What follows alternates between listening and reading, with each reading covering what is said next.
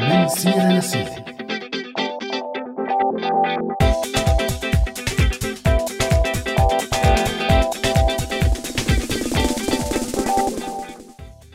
اوقاتكم سعيدة مستمعي راديو سوريالي. برحب فيكم. أنا عزة سواح بهي الحلقة الجديدة من برنامجنا من سيرة لسيرة. وبدوري أنا همام بدي رحب بكل مستمعي الراديو يلي عم يسمعونا سواء مباشرة على هوا راديو سوريالي أو على موقعنا أو من الأرشيف أو من ال SoundCloud. واليوم رح نكمل بسلسلة حلقات سوريا يلي بدنا ضمن برنامج من سيرة لسيرة.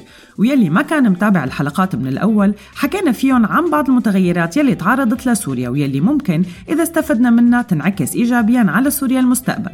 حكينا بحلقات سابقة عن اللغة وأثرها على سوريا المستقبل وحكينا عن العادات والتقاليد. أما اليوم رح نحكي عن الصناعة والتجارة وهذا الموضوع غالبا رح يمتد معنا بعدة حلقات بالمستقبل. عن هذا الموضوع رح نشوف كيف انتشرت الصناعة بكثير من الدول المحيطة وغيرها من الدول. ورح يكون ضيفنا لحلقة اليوم السيد عدنان طربيشي يلي رح نناقش معه الموضوع من أكثر من زاوية. أنتوا على هوا راديو سوريالي. إذا حبيتوا الموضوع تعوا معنا بهي الرحلة عن الصناعة والتجارة السورية اليوم وأثرها على سوريا المستقبل.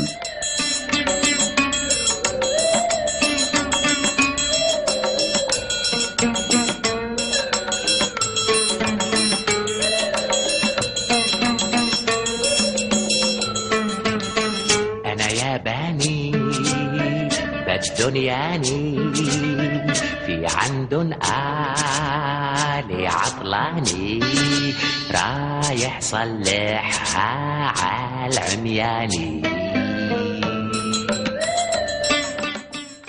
سؤال حلقتنا لليوم مستمعينا كيف اتسعت أسواق السوريين بعد الهجرة واللجوء؟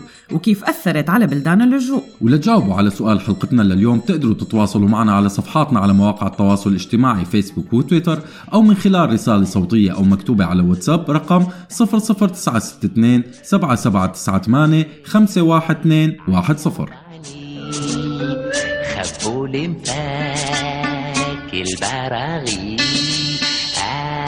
قالوا لمدير معلي فهماني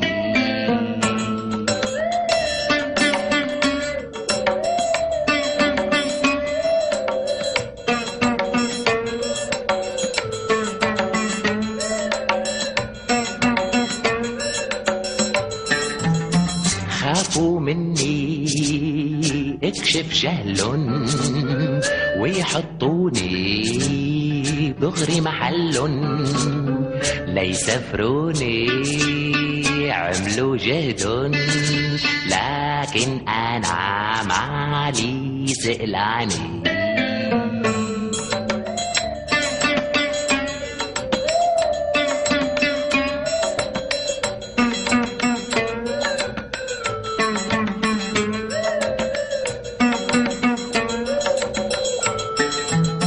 مع إنه الآلة من صنعي. ترانزستورا من وضعي. كتبوا تقرير لمدير فرعي. إن فهمانين كتير وأنا حيواني. أنا ياباني بالدنيا عني. في عندن آلي عطلاني. رايح صلح عالعمياني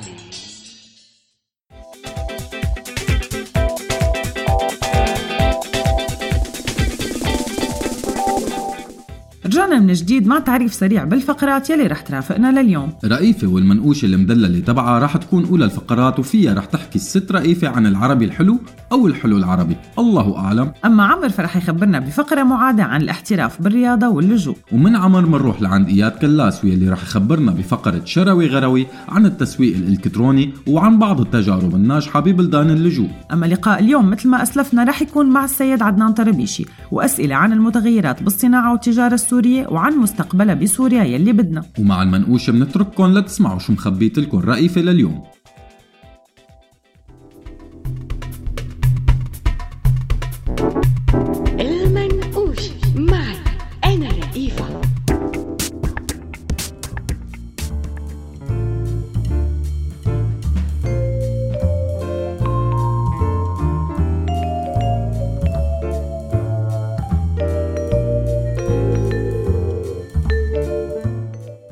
مرحبا. كان جاية على بالي أحكي عن الحلوين السوريين. زنوبيا ديك الجن غادة السمان نزار أباني ياسين بقوش سلاف معمار أو المحامية حنان نجمة. بس الحقيقة رح أحكي عن نوع تاني من الحلو. رح أحكي عن الحلو بالمطبخ السوري. فهجرة الأكل هي هجرات مانا بالضرورة مرتبطة بس بالحرب أو بالثورة. كتير من المطابخ هاجرت بدون ما يكون في بالبلاد الأصلية حالات من عدم الاستقرار بس الحروب والثورات والأزمات أحيانا بتسرع من هذا الشيء. مشان هيك شفنا أنه الأكل اللبناني سبقنا بالانتشار. ومثل ما إجا على سوريا القص العراقي خلال فترة اللجوء العراقي لسوريا سافر الأكل السوري وطلع ليروح لأماكن تانية. وأكيد من الأكلات يلي بتنتشر بهيك هجرات هي الحلو. والحلو السوري خصوصا له طابع خاص كان يفرض على كتير من العرب يزوروا سوريا قبل الحرب ليدوقوا الحلويات الشامية والحلبية والحمصية مثل البوظة والبقلاوة والبلورية وغيرها من الحلويات.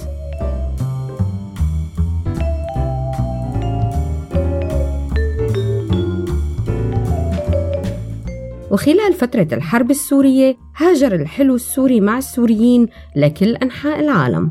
ما كان يتخيل لك من قبل إنك تمشي بشارع من شوارع مدن ألمانيا الصغيرة وتصادف محل حلو سوري اسمه باب الحارة محل بيقدم البوظة والحلويات السورية. أو إنك تمشي بشوارع المدن الأوروبية وتلاقي ماركات شهيرة للحلو السوري مثل الدمشقي ونفيسة وغيرها من الماركات. هي الماركات يلي صاروا أغلب زباينهم من الأوروبيين والعرب المغاربة يلي كل عمرهم كانوا يسمعوا عن الحلو السوري وصاروا اليوم يعرفوه وحتى في منهم صاروا يعملوه ببيوتهم خلال المناسبات. أو مثلا إنك تكون ماشي بواحد من شوارع العاصمة البرازيلية وتلاقي محل عم بيقدم عش البلبل والبلورية وغيرها من الحلويات السورية. اليوم صار في كتير من الأوروبيين والأجانب بشكل عام عم بيدوقوا الحلو السوري وبيعرفوا من طعمته إنه هذا حلو سوري مو لبناني على سبيل المثال لا الحصر فمثلا حلو مثل البرازة اليوم صار من أشهر الحلويات بمصر. وصار يلي حابب يدخل السعادة لقلوب ناس بحبهم ما بيتردد إنه يزورهم وهو حامل معه صفة برازق وكتير مصريين اليوم ببرامجهم التلفزيونية صاروا يتغزلوا بالأكل والحلو السوري خصوصاً. أصلاً أحد أسباب محبة المصريين للسوريين هو المطبخ السوري. وقدروا السوريين من خلال حلوياتهم المتنوعة بنكهاتها وطعماتها إنه يخلقوا أسواق كبيرة بكل أنحاء العالم. فمثلا ماركة مثل ماركة دامسكي واللي موجودة بمدينة تولوز الفرنسية. صارت من أشهر ماركات الحلو السوري واللي صارت توزع منتوجاتها على أغلب المدن الفرنسية وتحديدا لزباينها من أصحاب المطاعم الفرنسية. غير أنه السوريين من خلال الحلو قدروا ينقلوا ثقافة مطبخهم وتراثهم للعالم فصار بعض أصحاب المطاعم السورية يرفق بروشور مكتوب عليه تاريخ وتعريف بالحلو يلي عم بيقدمه. ومن المعروف أنه الاكتشافات الأثرية والكتابية بسوريا خلال القرن الثاني قبل الميلاد عرفت ازدهار كبير بصناعة الحلويات والكعك والبسكويت والخبز المحلى بالعسل. فبمملكة ماري وبإحدى غرف قصورة بالقرب من مطابخ الملك لاقوا أكثر من خمسين قالب من الفخار بشكل دائري ومستطيل وعلى شكل سمكة. كل هي القوالب استخدمها السوريين قبل آلاف السنين ليصنعوا حلويات المآدب الملكية. ويمكن هاد قالب السمكة نفسه يلي صار فيما بعد شطي مطي. والله أعلم. وبهيك الحلو السوري بيكون لاجئ مو كتير خفيف على المعدة. غير صالح للحمية لكن يدخل البهجة إلى قلوب المجتمعات المضيفة وبيقدم دليل تاريخي على قدرة السوريين على الإبداع وإنه ينقلوا هي الثقافة والحضارة مطرح ما راحوا.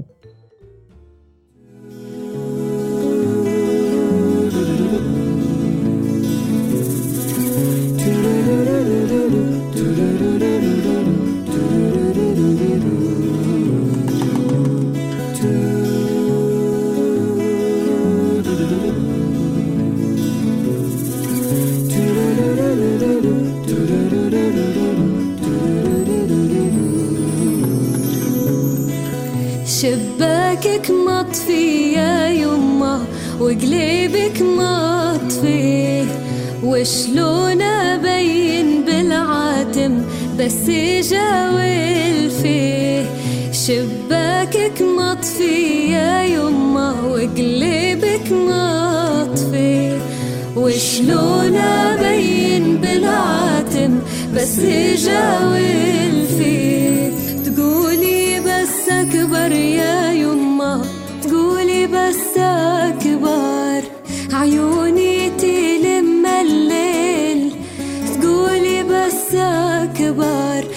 واقعد وانطر ليلي واقعد وانطر ليلي أسمر يدق الباب وبالغمزة يشفيه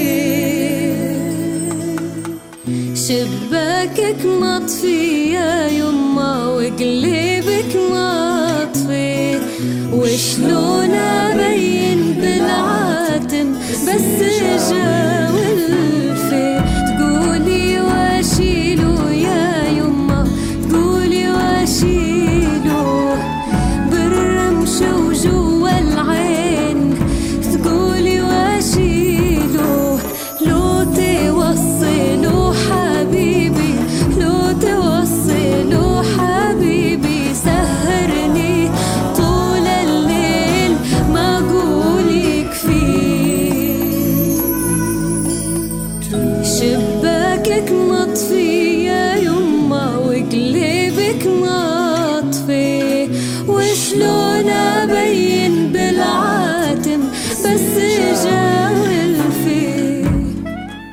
وجوابا على سؤال حلقتنا لليوم. مايا قالت لحتى تعرفوا مدى التأثير مالكن غير تزوروا شارع العرب ببرلين. أما محمود الباشا فقال لك لا في تأثير ولا هم يحزنون.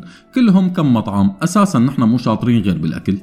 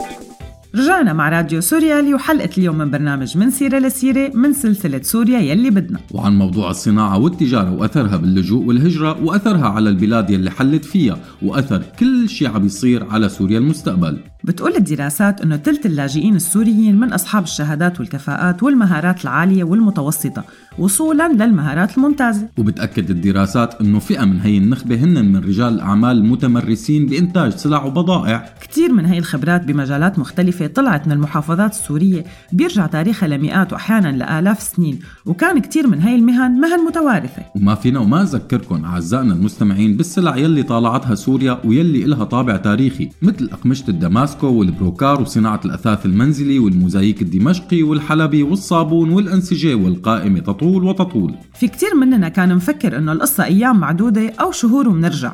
مشان هيك ما لقى الموضوع صدى مباشرة بأول اللجوء. بس لما كبرت اللعبة الدولية بالألم والوجع السوري شفنا كيف كتير من السوريين انخرطوا بالإنتاج وعلى رأسهم كانوا التجار والصناعيين. وعم نشوف ردود أفعال رائعة بدول اللجوء وخاصة الدول العربية والمحيطة عن كفاءة السوري وشغله وكيف ساهم السوري بنمو البلدان وأحيانا تغيير العادات والتقاليد المهنية ببعض هاي الدول. هذا على الرغم من وجود من كتير من العنصرية اللي دائما كانت تلاقي أصوات توقف بوجهها. أهم الإضافات للمجتمعات المضيفة كانت التنويع بالمنتجات وزيادة الطلب بالإضافة لاستخدام تكنولوجيا جديدة وتطويرها. ساهم اللاجئ السوري كمان بنقل الإنتاج السوري لأسواق أكبر والأدلة على هذا الشيء كتيرة من كتير من البلدان ويلي وصلها اللاجئ السوري فمن المطاعم والمصانع والمشاغل والمخابز وغيرها كتير من المهن والحرف والمصانع يلي لاقت اهتمام وقبول كتير كبير. الإقبال على المنتج السوري بيأكدوا تقارير ومعلومات عن إقبال كبير عند الألمان يلي بتتواجد فيها مطاعم سورية على هي المأكولات. بأحد المقالات بيحكي عن إقبال المغاربة على الحلويات السورية يلي بلشت تنتشر بالمدن المغربية الكبيرة بسرعة أما السودانيين بيحكوا عن غزو المأكولات السورية للعاصمة وسيطرتها على عادات الطبقة الوسطى. وردود الأفعال المصرية والهاشتاجات الكتيرة اللي طلعت على مواقع التواصل الاجتماعي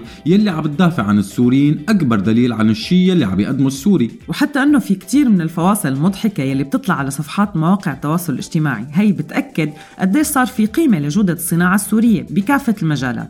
وعلى رأسها الشاورما يلي حكينا عنها سابقا. السوريين اختاروا مصر لأنها الأكبر عربيا من الناحية السوقية وكان في حركة بين مصر وسوريا تجارية وصناعية عبر فترات تاريخية كتيرة. مشان هيك السوريين كانوا على معرفة بسوقها بالإضافة لهذا الشيء فسمعة البضاعة السورية بتتمتع سلفا هنيك بسمعة جيدة ومكانة مميزة عند المستهلك المصري. طبعا بالإضافة أكيد لموقع مصر القريب من الأسواق التقليدية للصادرات السورية بالبلدان العربية مثل الخليج وإفريقيا. حسب إحصائية قديمة لقينا أنه هي الأقرب للصحة. الأرقام تتراوح بين 100 و 120 رجل أعمال سوري عم يستثمروا أموالهم بالقاهرة حاليا. بالإضافة ل 80 مصنع. وعم يوفروا تقريبا نصف مليون فرصة عمل وهي الأرقام حسب نائب رئيس لجنة الاستثمار بجمعية الأعمال والاستثمار الدولي بمصر عبد المنعم السيد. الأرقام بتختلف بين موقع وموقع فحسب موقع عنب بلدي بيتقدر حجم الاستثمارات السورية بمصر بحوالي 800 مليون دولار وبتختلف الأرقام للمستثمرين. بيذكر رجل أعمال مقرب من النظام خلدون الموقع أنه عدد المصانع السورية يلي بمصر بشكل ما لا يقل عن 80% من عدد المصانع يلي أقيمت خارج سوريا. وأضاف الموقع بتصريح له أنه هي الصناعات بتتركز بالقطاع النسيجي بشكل رئيسي وخاصة صناعة الملابس الولادية والرجالية والنسائية على أنواعها وبعض الصناعات الغذائية والتحويلية. ومن الجدير بالذكر هون إنه كان في مدينة صناعية بس للسوريين كانت رح تنشأ بمصر بفترة من الفترات بس اليوم صارت هاي المدينة بعيدة عن المنال. والسبب الأول هو الانقلاب العسكري اللي صار بمصر. أما السبب الثاني فهو الهجوم على خلدون الموقع بحد ذاته من قبل جماعة النظام من الاقتصاديين يلي اتهموا بأنه عم يساعد بتهريب رؤوس الأموال برات سوريا. المضحك بالموضوع همام إنه خلدون لعب لفترة طويلة دور بالعلاقات بين النظام السوري والمصري. بتأرجينا قديش كان مهم بالنسبة للنظام يضل عامل ربط مع الصناعيين والتجار يلي طلعوا برات سوريا. بس النظام وفقا لعدد من المواقع الإنترنت تتخلص من الموقع فورا بعد ما خلص الدور يلي كان لازم يلعبه. وبعيدا عن خلدون وأمثاله يلي رح يضل يظهر مثلهم فالصناعيين والتجار السوريين قدروا يخلقوا مساحات لإلهم بكتير من البلدان. وهذا الشيء رح نحكي فيه أكثر بالجزء الثاني من حلقتنا لليوم فخليكم معنا. بس هلأ رح ننتقل مباشرة لعند عمر لنسمع معه بفقرة معادة عن الاحتراف بالرياضة واللجوء. سوريالي مع عمر سواح.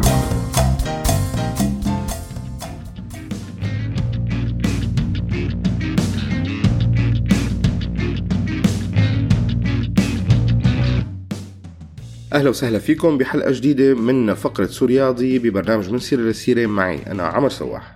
بعد الثورة السورية تغير وجه الرياضة وطلعت موضة فصل الرياضة عن السياسة والذي منه على الرغم من الاستخدام الدائم للنظام للرياضة لتلميع صورته فنحن مكفين بتضوايا على هذا الموضوع. بكفي نشوف أو نتذكر كيف تزامنت رجعت مجموعة من اللاعبين منهم عمر السومة وفراس الخطيب لعند النظام بلحظة مفصلية بتاريخ الحرب وتغير الموازين على الأرض السورية.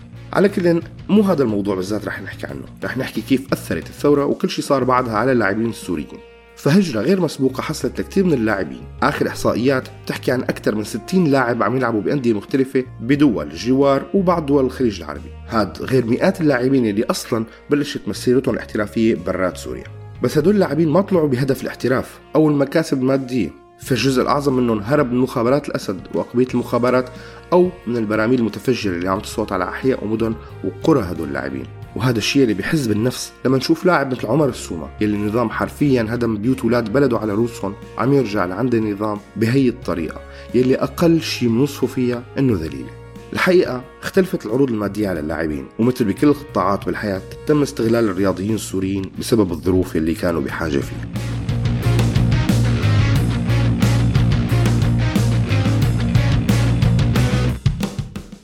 فكانت كثير من العروض المادية محدودة ماديا وخاصة إنه في لاعبين طلعوا بمرحلة عمرية صغيرة. أفلاس كثير من الأندية السورية خلت الانتقال صار أسهل. وما ننسى إنه هي الأندية هي نفسها اللي كانت تربط لاعبين بعقود كتير صعبة. اللهم إلا إذا كان لاعب بده ينتقل داخليا لنادي الجيش أو الشرطة ليخدم عسكرية وهذا الشيء يلي خلى كثير من اللاعبين ينتقلوا من نوادي مشهورة بسوريا لنوادي شبه مغمورة أحيانا بدول الجوار أو بالخليج هذا الشيء حسب تعليق من جريدة الثورة السورية التابعة أكيد للنظام. وهيك تخلى اللاعبين عن باقي مستحقاتهم المادية من رواتب أو مقدمات عقود لياخذوا عقود أقل من متواضعة وحسب جريدة تشرين السورية اللي كمان تابعة النظام تنقل عن أحد اللاعبين السوريين إنه أحد الأندية اللبنانية عرض عليه الاحتراف بصفوفه قبل سنتين من بداية الثورة. ولموسم واحد مقدم عقد بتزيد عن 150 ألف دولار. بعد تطور أحداث الثورة عرض عليه نفس الفريق الاحتراف بس بعقد أقل بكتير من نص المبلغ. والحقيقة فاتورة الحرب على الشعب السوري كانت كتير عالية وعلى النظام كمان مشان هيك تخلى عن لعيبته بمنتهى السهولة. وكمان من نفس الجريدة التابعة للقصر الجمهوري تشرين يلي بتقول إنه الأندية ومجلس الإدارات بررت موافقتها على منح اللاعبين البارزين حرية الانتقال لأندية أخرى بعدم قدرتها على الإيفاء بالتزاماتها المادية تجاههم وبسبب عدم وضوح الرؤية بالنسبة لاستئناف البطولات المحلية بمرحلة من المراحل. طبعا هذا الشيء كان بالبداية بس هلأ تغيرت الأمور ولساتهم عم يتخلوا عن لعيبتهم بنفس الطريقة. اليوم مثل كتير من قصص نجاح اللي عم نقرأ عنها بمختلف المجالات للسوريين. في كتير مننا أطفال وشباب بلشوا مسيرة ناجحة سواء بالغرب أو بدول الجوار نتمنى لهم كل النجاح ونتمنى أنه يلعبوا مع فرق سورية حقيقية وحرة ويرفعوا رأس إخوتهم بيوم من الأيام بكل محل عم يلعبوا فيه. وبيوم من الأيام نتمنى أنه يكون في احتراف رياضي حقيقي بالوطن اللي اسمه سوريا.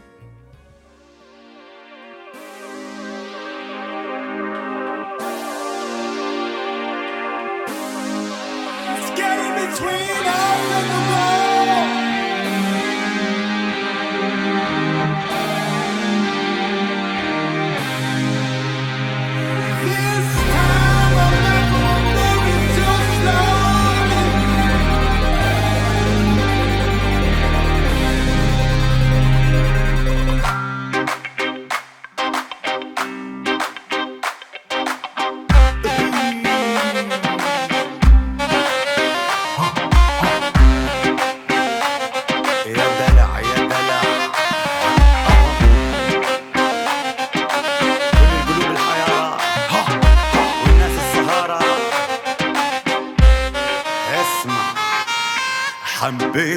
القمر طلع القمر اصطناعي شميت الورد طلع الورد بلاستيكي أنا أنا حبيت القمر.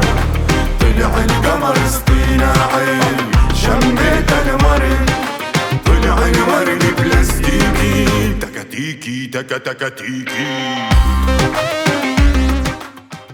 أحمد المحمد جاوب على سؤال حلقتنا لليوم وقال والله مو بس لحتى نأثر عليهم لحتى نخليهم يشوفوا الشاورما والبروستد بأحلامهم وهن نايمين. أما مسعود فقال الحقيقة التأثير ما عم بيكون بس بالجانب الاقتصادي والتجاري كمان الجانب الفني عم بيلعب دور كتير مهم والجانب الاجتماعي كمان.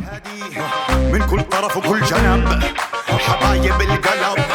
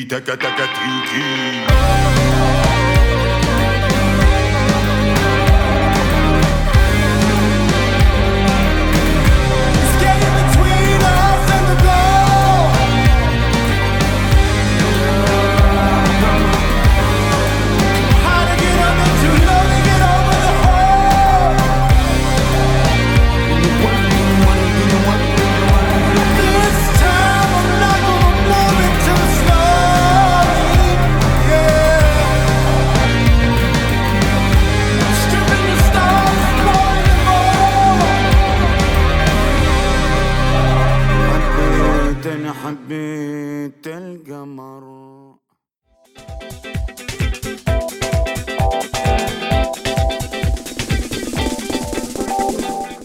رجعنا مع برنامج من سيرة لسيرة والحلقة اليوم عن اللجوء والهجرة والصناعة والتجارة وأثرهم على سوريا المستقبل. كل يوم عم نسمع عن قصص نجاح اللاجئين السوريين مع مشاريع ناشئة بكتير من الدول يلي انتشر فيها السوريين مثل ألمانيا، تركيا، هنغاريا وفرنسا وغيرها من بلدان اللجوء. ولأنه الحاجة أم الاختراع ولأنه السوري ما فيه يعيش بدون جبنة مشللة وصلت هاي الجبنة على أوروبا وتحديدا على جنوب غرب ألمانيا بولاية زاردلاند بالإضافة للسوركي وغيرها من أنواع الجبنة. بأمريكا الوضع ما كان مختلف فانخراط السوريين بعالم التكنولوجيا ساهم بصعود بعض الشركات الصغيرة بكتير من المدن المهتمة بالتكنولوجيا ويلي كتير منها بلش يكبر وياخد عقود مهمة بهذا المجال. بلبنان الحملة العنصرية يلي عم يقوم فيها تيار الرئيس عون على السوريين كانت أكيد سلبية بس الناحية الإيجابية هو أنه قدرنا نشوف نتاج السوريين بلبنان رغم كل الضغوط فشفنا تظاهرات ضد الأعمال والمصانع السورية بكتير من المدن والبلدات وهذا الشيء صحيح سلبي بس من جهة تانية شفنا كيف قدر ينجح السوري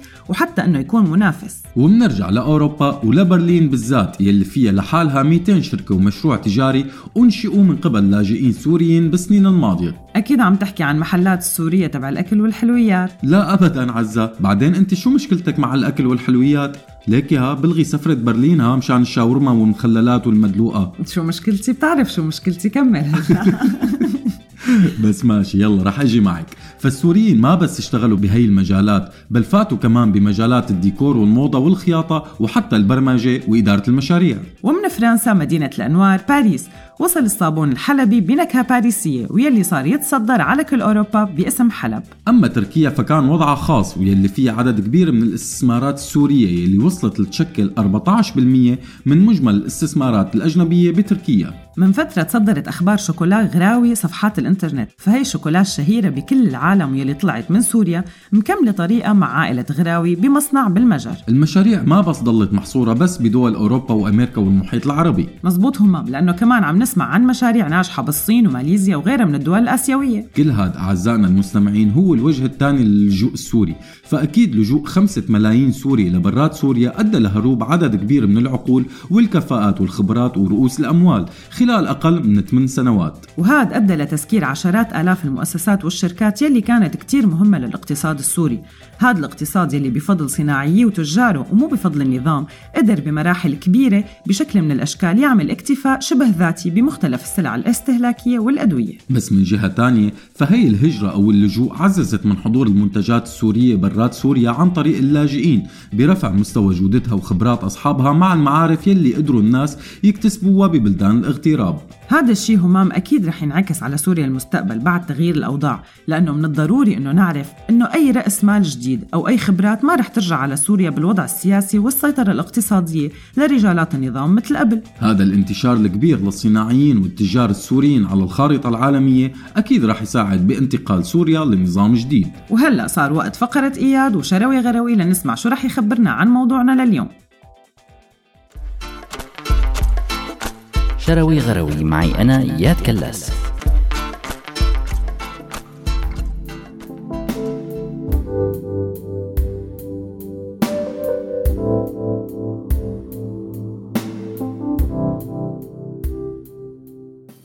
كتير من اللاجئين حملوا حرفهم وصناعاتهم معهم لبلاد اللجوء وهالصناعات والحرف وحتى المهارات انتشرت خلال وقت قصير بكل العالم. بس كان التمويل واحد من العوائق عند أصحابها ليقدروا ينطلقوا بمشاريعهم المتنوعة والمختلفة. ولهيك لاقى البعض الحل بفكرة التسويق الإلكتروني كوسيلة قليلة التكاليف وسريعة بالإعلان والنشر للمنتج. وفي أمثلة كتير للاجئين نجحوا من خلال التسويق الإلكتروني إنه يروجوا ويبيعوا منتجاتهم بشكل سريع وبمرابح مالية جيدة.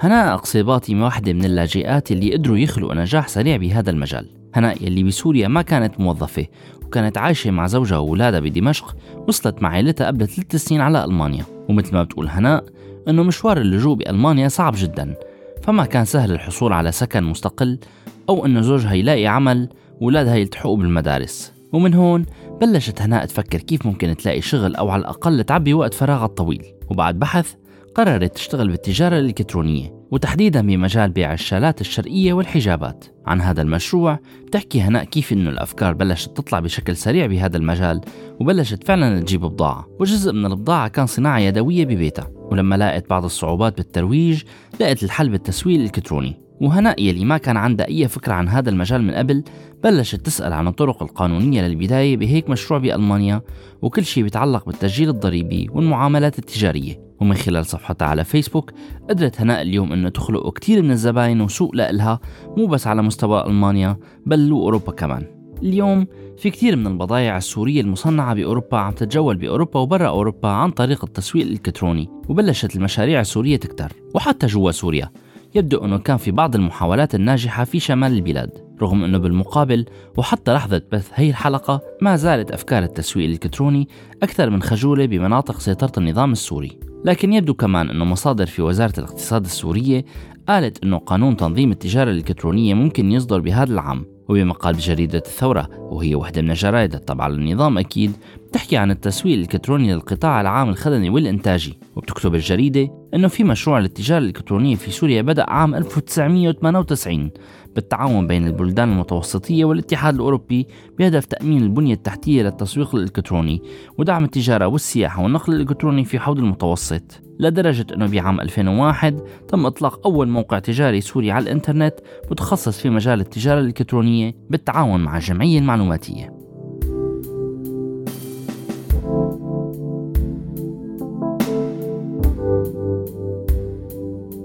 على كل إذا بدنا نحكي عن السوريين تحديدا فيبدو أنه بعض منا سواء في بلاد المعشر أو في داخل سوريا عم نقدر ننجح بخبراتنا الإلكترونية البسيطة وهذا الشيء حتى من منافينا وأماكن سكننا المتواضعة أحيانا. وعم نقدر نخلق أسواق إلكترونية لصناعات بسيطة ونحقق أرباح وشهرة. هالشيء اللي بيخلينا نتساءل عن السبب بتأخرنا بمراحل سابقة لما بنعمل مقارنة مع طريقة تطوير الحكومة السورية وقوانينها بالنسبة للتسويق الإلكتروني. كنت معكم أنا إياد بشروي غروي كونوا بخير.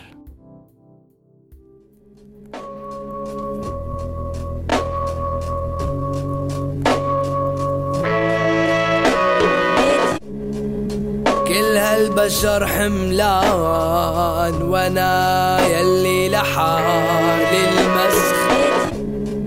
كل هالدهر كرباج وأنا اقوى جلادي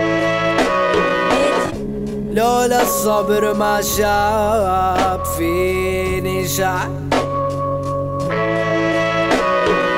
خبر القطعان الليل مغير عالوادي لا ولع فيها ولع فيها وما خلي فيها مين يطفيها. ولا ولع فيها خلي الفيها يطالع من نفسه المسخ اللي فيها.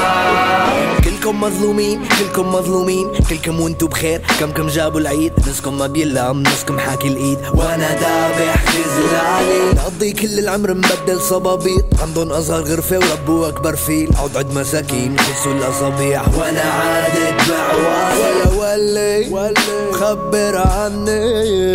أهل اني جاية وما مخلي مسحوب بعرف حالي هو دور وما كان اسمه بجرم حالي. وعالحرمان لكلها. ولع فيها ولع فيها وما خلي فيها. مين يطفيها؟ ولا ولع فيها.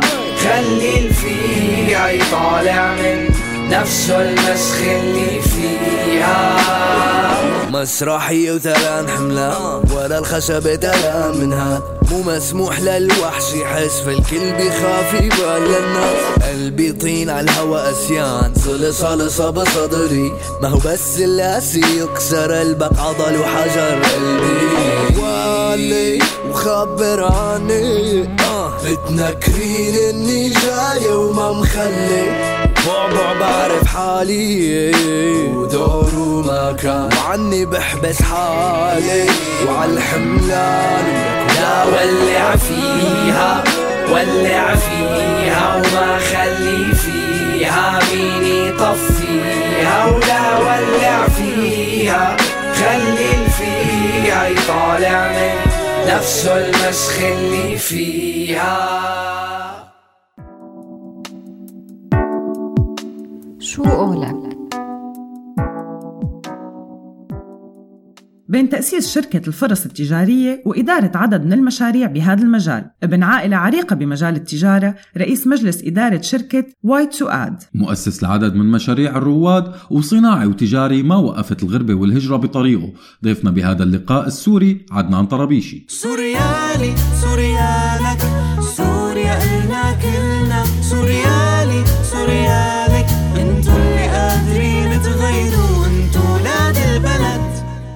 التجاري السوري عدنان طرابيشي أهلا وسهلا فيك ضيف عزيز ببرنامج من سيرة لسيرة على هوا راديو سوريالي. أهلا وسهلا فيك أستاذ عدنان. أهلا وسهلا همام أهلا فيك. آه، أستاذ عدنان بداية رح نبلش بسؤال نابع عن قصة حقيقية آه، اللي هو بمرحلة من المراحل حاول رامي مخلوف إنه ياخذ وكالة مرسيدس من آل صنقر وصار للقصة كتير تبعات واضطر رامي مخلوف بعدين يلتف على القصة مع عدة شركاء كان آخرهم يمكن أبو صخر سليم ألتون عهو ما بتذكر. سؤالنا هل من الممكن إنه مثل هيك نوع من الممارسات نرجع نشوفها بسوريا بأي شكل من الأشكال سواء ضل النظام أو بقي؟ والله للأسف آه، على الوضع الحالي آه، بقول لك إيه لأنه آه، لحد هلأ التغيير اللي عم يصير ما عم يصير تغيير بنيوي بطريقة التفكير وبالتالي الممارسات بعدها موجودة آه، وبتضلها تكون موجودة إن ما تغيرت طريقة التفكير كلياتها وطريقة إدارة الأمور فبدون تغيير جذري للمنظومة كلياتها ما يمكن يتغير طريقه التفكير أو هالممارسات هي. تمام. طيب كثير من السوريين من الصناع والتجار والعاملين بقطاع الخدمات بعد ما طلعوا من ال comfort zone تبعهم قدروا يبنوا ويأسسوا شيء جديد وينجحوا فيه. سؤالنا هلا ليش ضل كثير منهم متمسك بالبنية السياسية والاقتصادية تبع النظام رغم إنه كان بإمكانهم ينجحوا برا؟ صراحة موضوع آه، خروج البزنسز من سوريا ما له بالشكل السهل فبالتالي تشبث بعض الأشخاص بالمنظومة آه، هو طبعا أكيد بناء على مصالح آه، شخصية أكيد. آه، بس كمان آه، تحدي العمل خارج سوريا ما له بهالسهولة اللي آه، شافوه العالم. يعني آه، آه، مجموع العالم اللي طلعوا مجموع كثير كبير آه، قصص النجاح ما كبيرة بنفس العدد. فنجاحهم بسوريا مرهون بظروف قدروا يكونوا جزء منها. ما ما ما شرط هي الظروف تتكرر معهم بباقي الدول آه، لأنه هي الدول بتحترم القوانين وبتحترم الأنظمة وفي منافسه حره والى آخره. فمشان هيك كان في خوف عند بعضهم إنه يطلعوا برا البلد ويفشلوا فضلوا متشبثين بالبنيه اللي موجودة. أستاذ عدنان كنت حضرتك شريك أو مساهم أو داعم بعدد من المشاريع يلي عم تحاول تقدم دعم للمشاريع الناشئة. قديش بتشوف قدرت آه عفوا قدرت هي المشاريع تشق طريقها بعد ما أعطيتوها هي الدفعة؟ والله هون الموضوع كثير مهم لأنه آه، قصص النجاح كثير كانت آه، خصوصي عن شريحة الشباب كثير مهمة آه، ولكن هي قصص نجاح صغيرة. يعني أنت اليوم في عالم تساعدت بموضوع التعليم عالم بموضوع ال startup businesses صراحة ال- ال- التجربة كانت جيدة لأنه تبين أنه الحاجة ليست فقط حاجة مادية. يعني اليوم في انطباع خاطئ عند بعض الشباب إنه هو بحاجة لمصاري ليقدر يبلش المشروع. هلا طبعا الموضوع بحاجة لمصاري بس كمان بحاجة ل ادفايس بحاجة ل آه، هيك دعم معنوي واستشاري وخبرة تنعطى للأشخاص اللي عم يحاولوا يبلشوا بأعمال جديدة.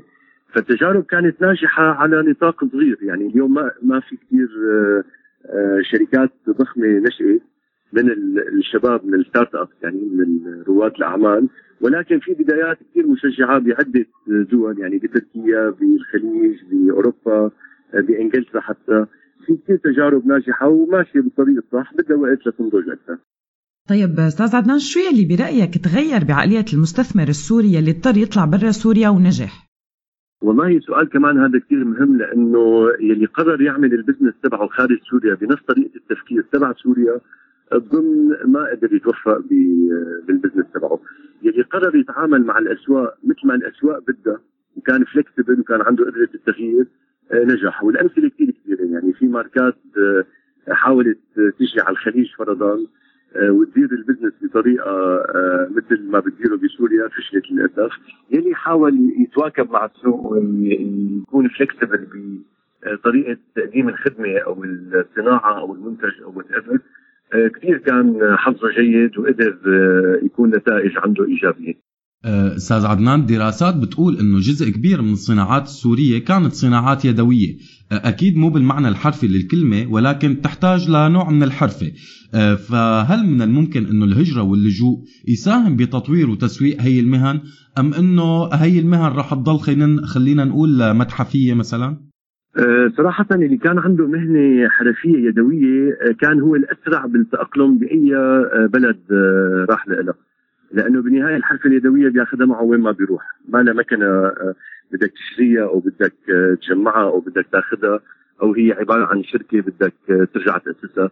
فالمهنه اليدوية هي الأسرع للتأقلم مع أي سوق وبظن نجحت بطريقة كثير كبيره يعني صناعة الحلويات بتركيا بأوروبا المطاعم هالقصص كل شيء حرف يدوية كانت سهلة التأقلم. أكثر من غيرها. وأكيد رح تعطي تأثير كثير كبير. يعني نحن الهجرة السورية جديدة صار لها هلأ سبعة من سنين. بس بلشت تسمع عن مطاعم سورية عن أعمال يدوية سورية من التطريز من الأعمال الخشبية. يعني صار في شوية آه، معطيات أكثر بالأسواق اللي أو الدول اللي آه، وصلوا السوريين. صار في شيء سوري أكثر من قبل بالتأكيد. آه، في جملة كتير استخدمها النظام البيئة الحاضنة للإرهاب وهي البيئات الحاضنة كانت حاضنة لكثير من الصناعات السورية المتفوقة بجودتها برأيك هل ممكن يصير تغيير بهي البيئات الحاضنة وطريقة تفكيرها؟ البيئة الحاضنة للإرهاب بتعريف النظام هي البيئة اللي قامت ضد النظام فالإرهاب مردود عليه هو أكبر إرهابي بالتعاطي مع الشعب آه وطبعا هي البيئات هي بيئات للأسف كانت فقيرة وغير آه مدعومة من ناحية التنمية ومن ناحية التعليم آه، وهي كانت الحجر الأساس باي صناعة لأنه كان في العمالة من هي المناطق. طبعا بأي فرصة للتنمية الحقيقية بأي فرصة للتعليم المضبوط آه، هي البيئات آه، فيها تكون من أهم المجتمعات وبظن هلأ بالوقت الحالي بالمناطق الهادية نسبيا يلي خارج سيطرة النظام الزراعة شغالة منيح، التجارة شغالة منيح يعني موضوع البيئة الداعمة للإرهاب هي شغلة مردودة للنظام بشكل كامل ما في هيك شيء بالقصة كلياتها طيب أستاذ عدنان رح ننتقل لنوع ثاني من الموضوعات يلي عم نغطيها بحلقاتنا وهي الخدمات. آه كانت سوريا الجارة للبنان خلينا نعمل مثل مقارنة دائما تنوصف بتقصيرها بمجال الخدمات. فهل هذا الشيء تغير بعد الهجرة واللجوء؟ والله موضوع الخدمات هو له علاقة كمان بالنظام التعليمي. يعني النظام التعليمي بسوريا ما كان بيهيئ الأشخاص ليشتغلوا بالخدمات. وبالتالي كان في عنا تقصير بهذا الموضوع. كل ما كان السوري وين ما كان موجود قدر يتعلم أكثر قدر يكتسب خبرة أكثر كل ما صار عنده قدرة يقدم هالسيرفيسز هي. اليوم بتشوف الشباب يلي بألمانيا يلي بتركيا يلي بالخليج بلبنان أو حتى بالأردن.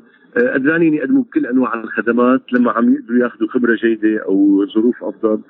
آه، فبالتالي لا أكيد الأمور رايحة نحو الأفضل من ناحية آه، مواهب وإمكانيات الشباب والصبايا السوريين.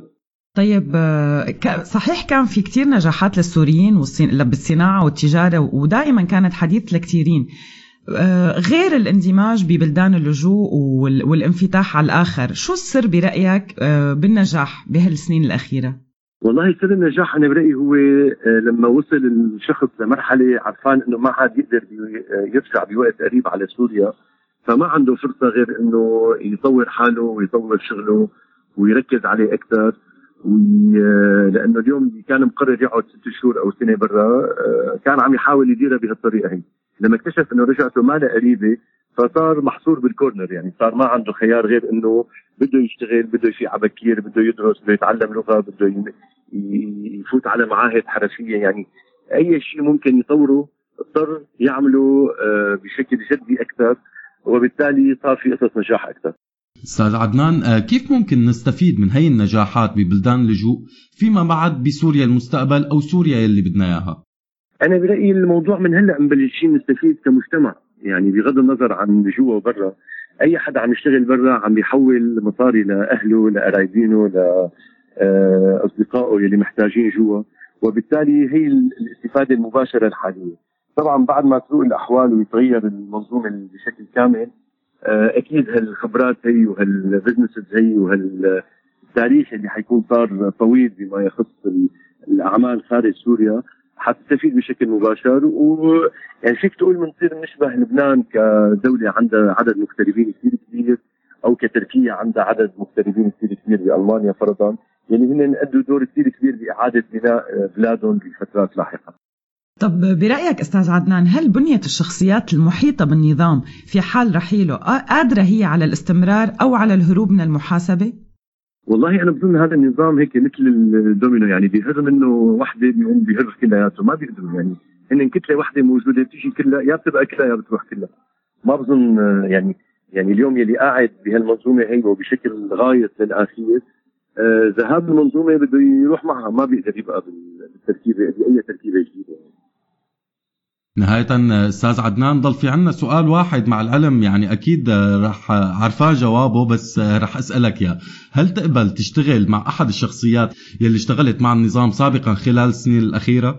آه هذا الموضوع شوي حساس لأنه في أحيانا يعني في عالم مضطرة تشتغل تضطر تشتغل معهم بسوريا اللي عنده هلا شغل بسوريا لأنه هن من جزء من الأمر الواقع. يعني اللي قاعد بسوريا بده يشتغل معهم ما عنده حد. هلا اللي قاعد برا لا عنده الخيار طبعا وأكيد آه يعني اخلاقيا آه، ما بتزبط. الواحد يقدر يحط إيده بايد هيك آه، عالم خصوصي اللي كان لهم جزء من سفك الدم والإرهاب والقصص اللي تمارست ضد الشعب يعني.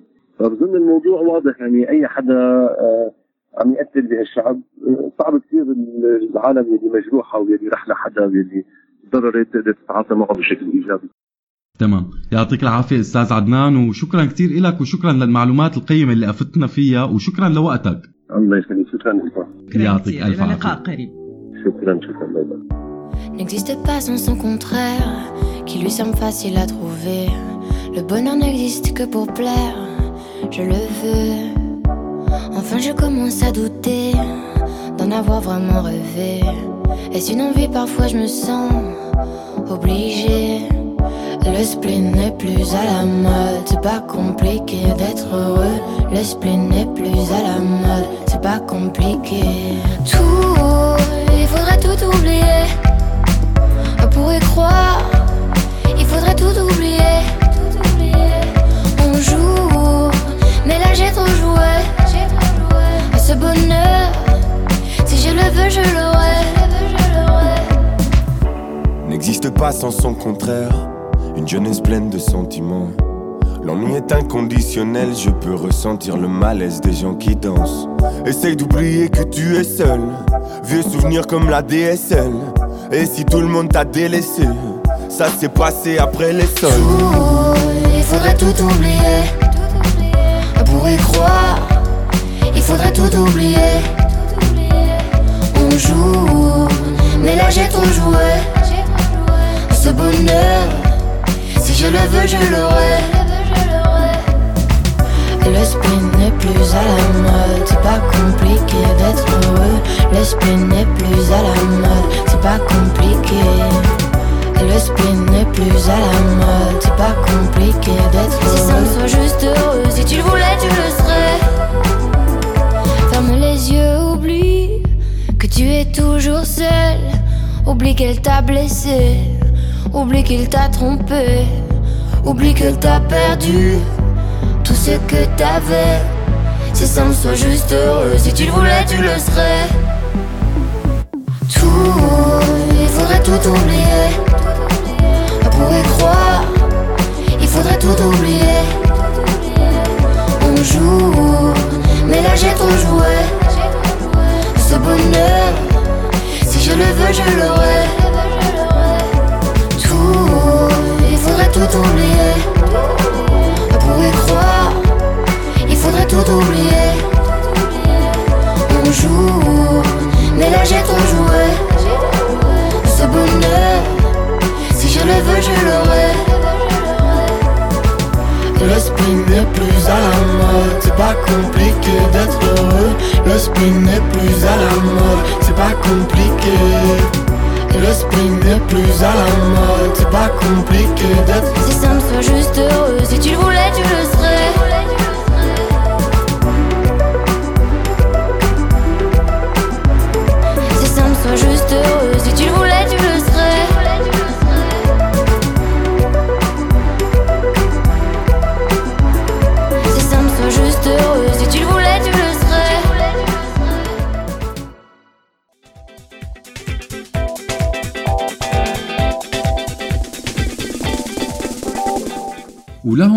مستمعينا بنكون وصلنا لآخر حلقتنا لليوم. إن شاء الله نكون جاوبنا على بعض الأسئلة وقدرنا نعمل صورة عن وضع الصناعة والتجارة بسوريا المستقبل بناء على النجاحات السورية بكل مكان. بس الشيء الأكيد يلي طلعنا فيه بنتيجة إنه التغيير بسوريا في حال كان بدنا سوريا تنهض وتمشي لقدام مستحيل يصير بوجود النظام. فلا الآليات القديمة يلي كانت مقبولة ممكن تستمر بيومنا هاد ولا المكتسبات والخبرات يلي قدروا السوريين يحصلوا عليها ممكن تخلي صناعتهم وتجارتهم ترجع لقمم النظام مرة تانية الثورة أكيد عملت شهداء وخسرتنا كتير بس طالعت كمان مارد كبير ما رح يرضى يرجع للشي اللي قبل. وسيرة ورا الباب ممكن تطول كتير بيني وبين عزة مشان هيك أنا لازم أقول باي. مزبوط همام معك حق. لازم نودعكم مستمعينا ونشكر كل مين كان عم يسمعنا أو شارك معنا لليوم. شكرا كتير لكم مستمعينا وشكر لكل فريق الحلقة من إعداد وإخراج وتقديم والبث وفريق التواصل الاجتماعي. باي.